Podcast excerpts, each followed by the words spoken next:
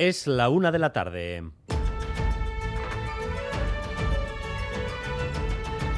Crónica de Euskadi con Dani Álvarez.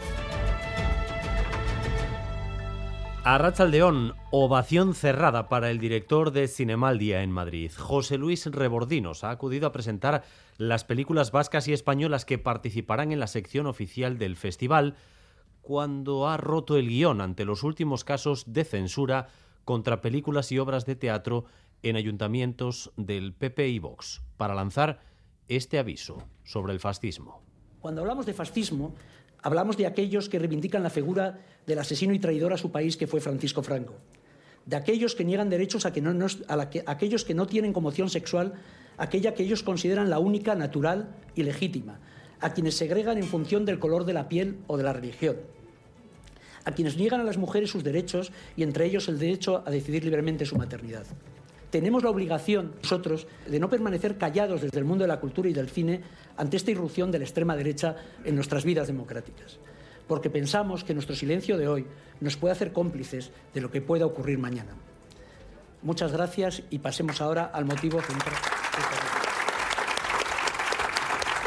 Aplausos durante más de medio minuto para el director de Cinemaldia tras haber hecho ese alegato en Madrid inesperado durante la presentación de parte de la cartelera del festival en septiembre. Además, el gobierno vasco aún valora el recurso a la última sentencia que limita la exigencia del euskera en el acceso al empleo público, en este caso para los secretarios municipales. Euskadi es la única comunidad bilingüe en la que se están dando estas sentencias aunque en el resto también se han establecido otros límites. Es el caso de Cataluña o de Galicia y no hay iglesia. El gobierno vasco va a recurrir esta última sentencia y por ahora seguirá adelante con la bolsa de trabajo hasta que se resuelva el recurso. La consejera de autogobierno, Laz Garamendi, insiste en su competencia para exigir euskera en procesos públicos amparada en los fueros. Lo cierto es que en otros territorios con dos lenguas oficiales no se está dando esta cascada de sentencias de juzgados tumbando la exigencia de una lengua cooficial. En Cataluña y Galicia esto es prácticamente inexistente existente. Enseguida lo analizamos.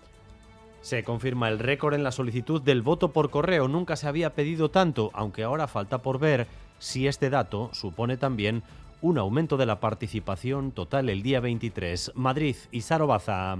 Récord absoluto a nivel estatal, 2,6 millones de solicitudes, pero también en Euskadi 214.000 personas votarán por correo, uno de cada diez ciudadanos. Casi se cuadriplican las solicitudes respecto a los últimos comicios de noviembre de 2019 en la comunidad autónoma vasca, aunque también en Navarra 47.000 navarros votarán a distancia, 33.000 más que las últimas elecciones.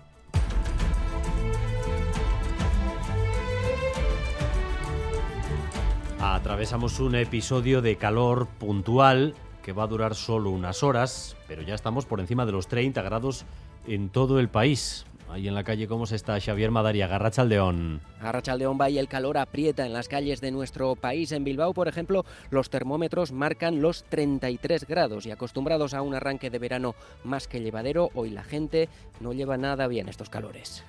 Pues mal, la verdad. Yo lo del calor es una cosa que no lo... Pues bueno, como puedo, echándome mucha crema de sol sobre todo, intentando ir a la sombra y beber mucha agua. Insoportable. Por ahora sí, está complicado. Llevo un poquito de agua y me acabo de cortar el pelo, a ver si refrescamos un poquito hasta 35 grados. Nos dice Euskalmet que podremos alcanzar en algunos puntos. Recordad, la alerta amarilla por temperaturas altas extremas se mantiene desde ahora y hasta las 7 de esta tarde. Lo que aquí va a ser un pico de varias horas, lo acaban de escuchar, hasta las 7 de la tarde aproximadamente, para volver después durante el fin de semana al famoso veroño vasco.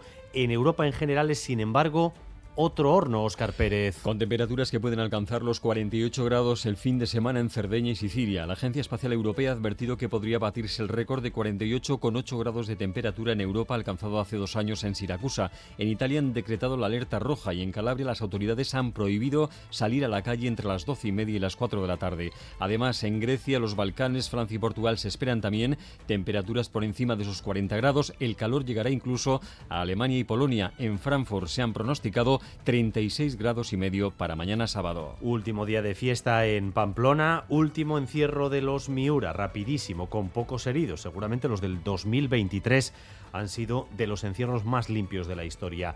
Esta noche, el pobre de mí, Aritz Aguirre. Día de despedidas, a estas horas se prepara el entrañable adiós a los gigantes en la Plaza del Castillo. Han sido los Sanfermines del buen rollo. Fenomenal, fenomenal, muy bien, muy bien.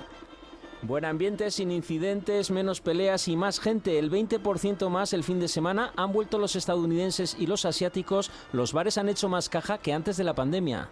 El movimiento ha habido consumo. El año pasado hubo mucha gente, pero hubo menos consumo igual. Calimochos y la cerveza sale como si fueran agua de grifo. Nosotros tenemos dos tanques de mil litros cada uno y cada dos días hay que llenarlos.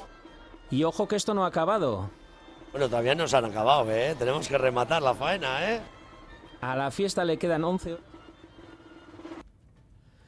Dos películas de directoras vascas estarán en la sección oficial a concurso en la edición número 71 de Cinemaldia. Son la película de animación El sueño de la sultana, de Isabel Erguera, y Ocorno, película realizada en gallego por Jayone Camborda. Hemos conocido a su vez que Un amor, adaptación de Isabel Cochet de la novela homónima de Sara Mesa, estará también en la sección oficial de ese festival de Donostia que comienza el 22 de septiembre y del que vamos a seguir hablando enseguida después de la presentación de hoy en Madrid. Pero antes, como no, lo más destacado del deporte con César Pérez Cazola. Arracha César. Arracha Dani, este Tour de Francia 2023 habla euskera después de la segunda victoria en tres días para el ciclismo vasco en el Tour. Hace dos semanas la carrera francesa salía de Bilbao y estos últimos días todos son alegrías. La victoria de Pello Bilbao el martes en Isoar hay que sumar la que consiguió ayer Johnny Zaguirre en la duodécima etapa. Hoy etapa de alta montaña en el Tour, con final en un puerto largo y durísimo, el Gran Colombia. Y en fútbol, el Atlético está ahora mismo de viaje hacia México. Los rojiblancos, el equipo de Chingorri y Valverde, va a jugar los dos primeros partidos de pretemporada lejos de casa. Este próximo domingo contra los eh, Chivas de Guadalajara y el miércoles que viene frente al Necaxa. Y esta tarde se pone punto final a la Feria Pelota Sala de San Fermín con la disputa de la final. Altuna Rezusta, que perdían la del año pasado, van a buscar la chapela hoy ante Iker Larrazábal y Yo Mariz Currena. Este último, el zaguero de Berrizar, ya la ganó hace un año haciendo pareja con Iñaki Artola. Recuerden, vamos a continuar con calor hasta media tarde aproximadamente cuando empiece a entrar viento del norte, viento desde la costa y mayor nubosidad. En cuanto al tráfico, hace escasos minutos se ha producido el vuelco de un tractor en Mundaca, en sentido Bermeo, Vizcaya 2235. Como consecuencia de ese incidente, se han registrado dos heridos. La Archaincha se encuentra en ese lugar y ha establecido un paso alternativo. Gracias un día más por elegir Radio Euskadi y Radio Vitoria para informarse. Y a John Menjón y José Ignacio Revuelta se encargan de la dirección técnica y a Itziber Bilbao de la coordinación. Crónica de Euskadi con Dani Álvarez.